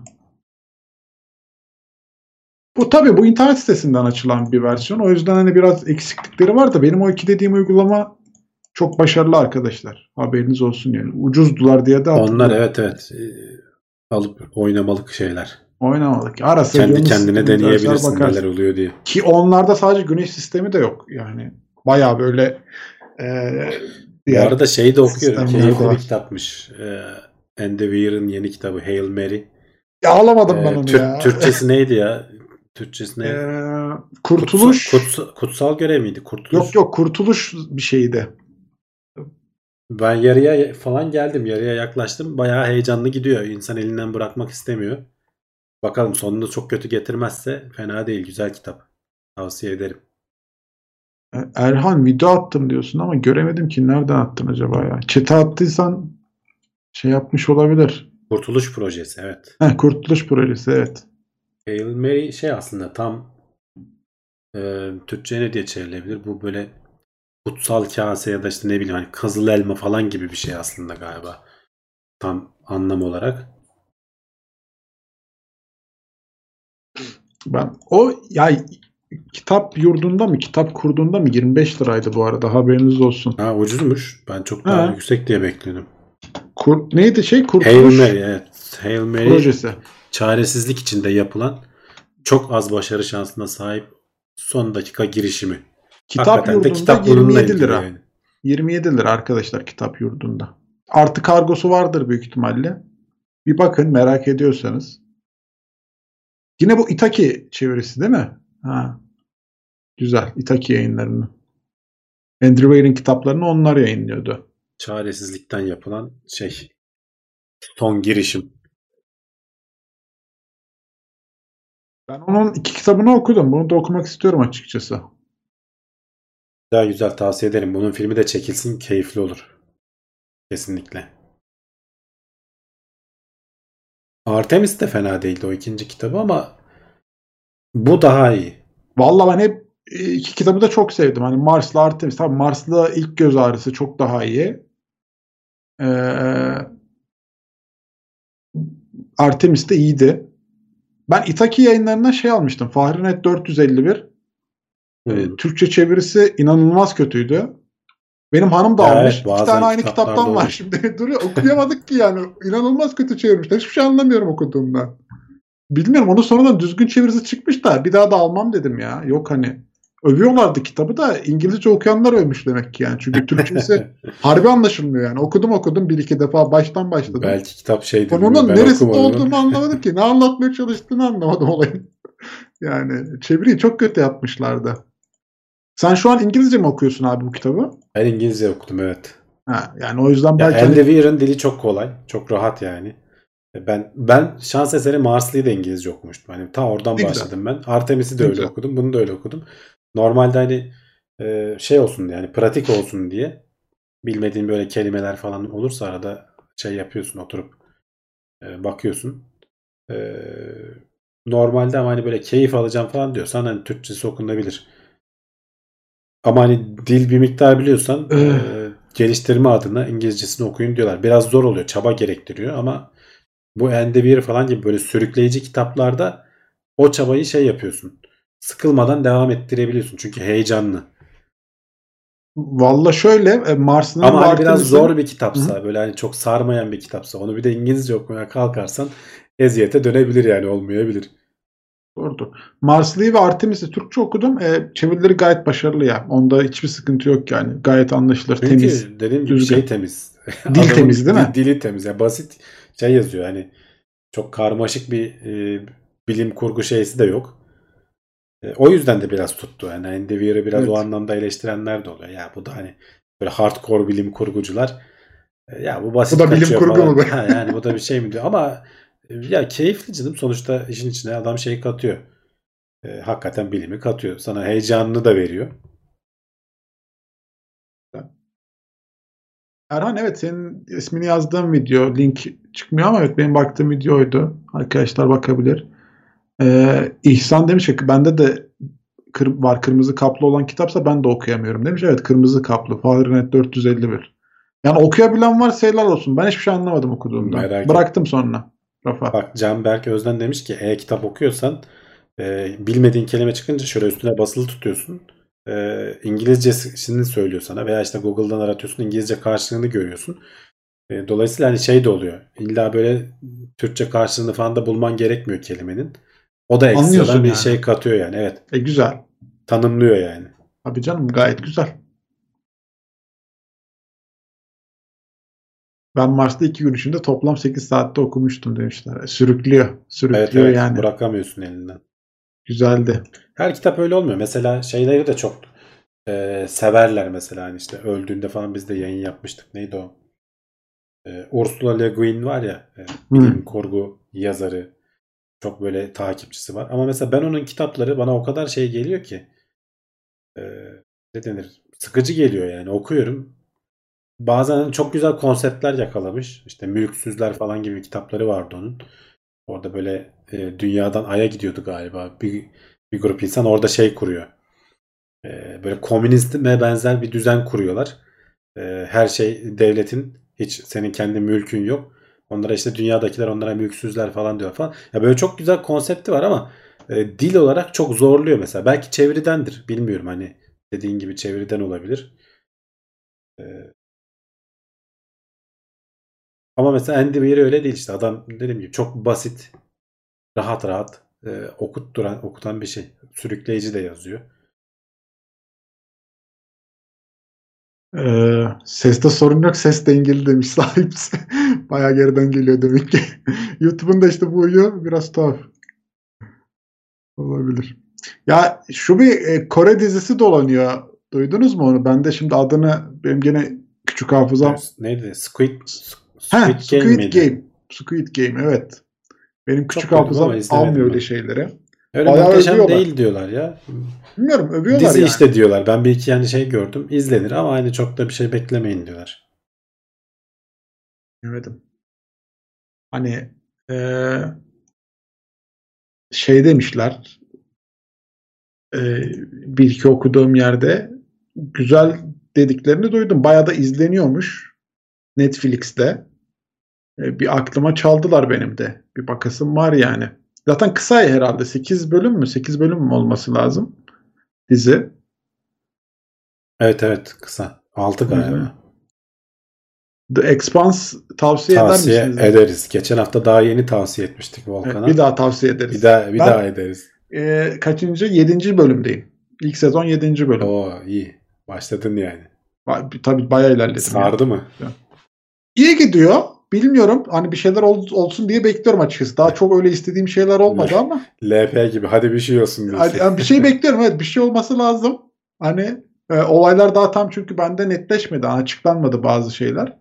Onların cevaplarını bekliyorum. E, diğer sezonlarda öyle giderse olur yani. Sıkmıyor. İzlenir.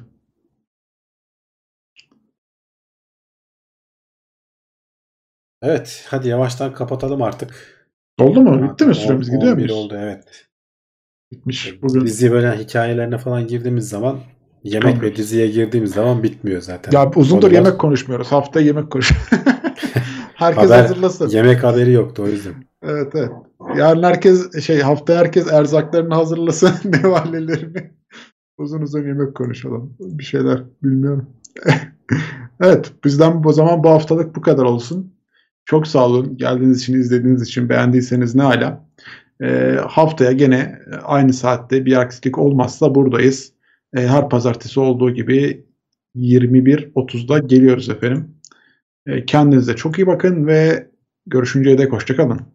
Görüşmek üzere. Kendinize iyi bakın.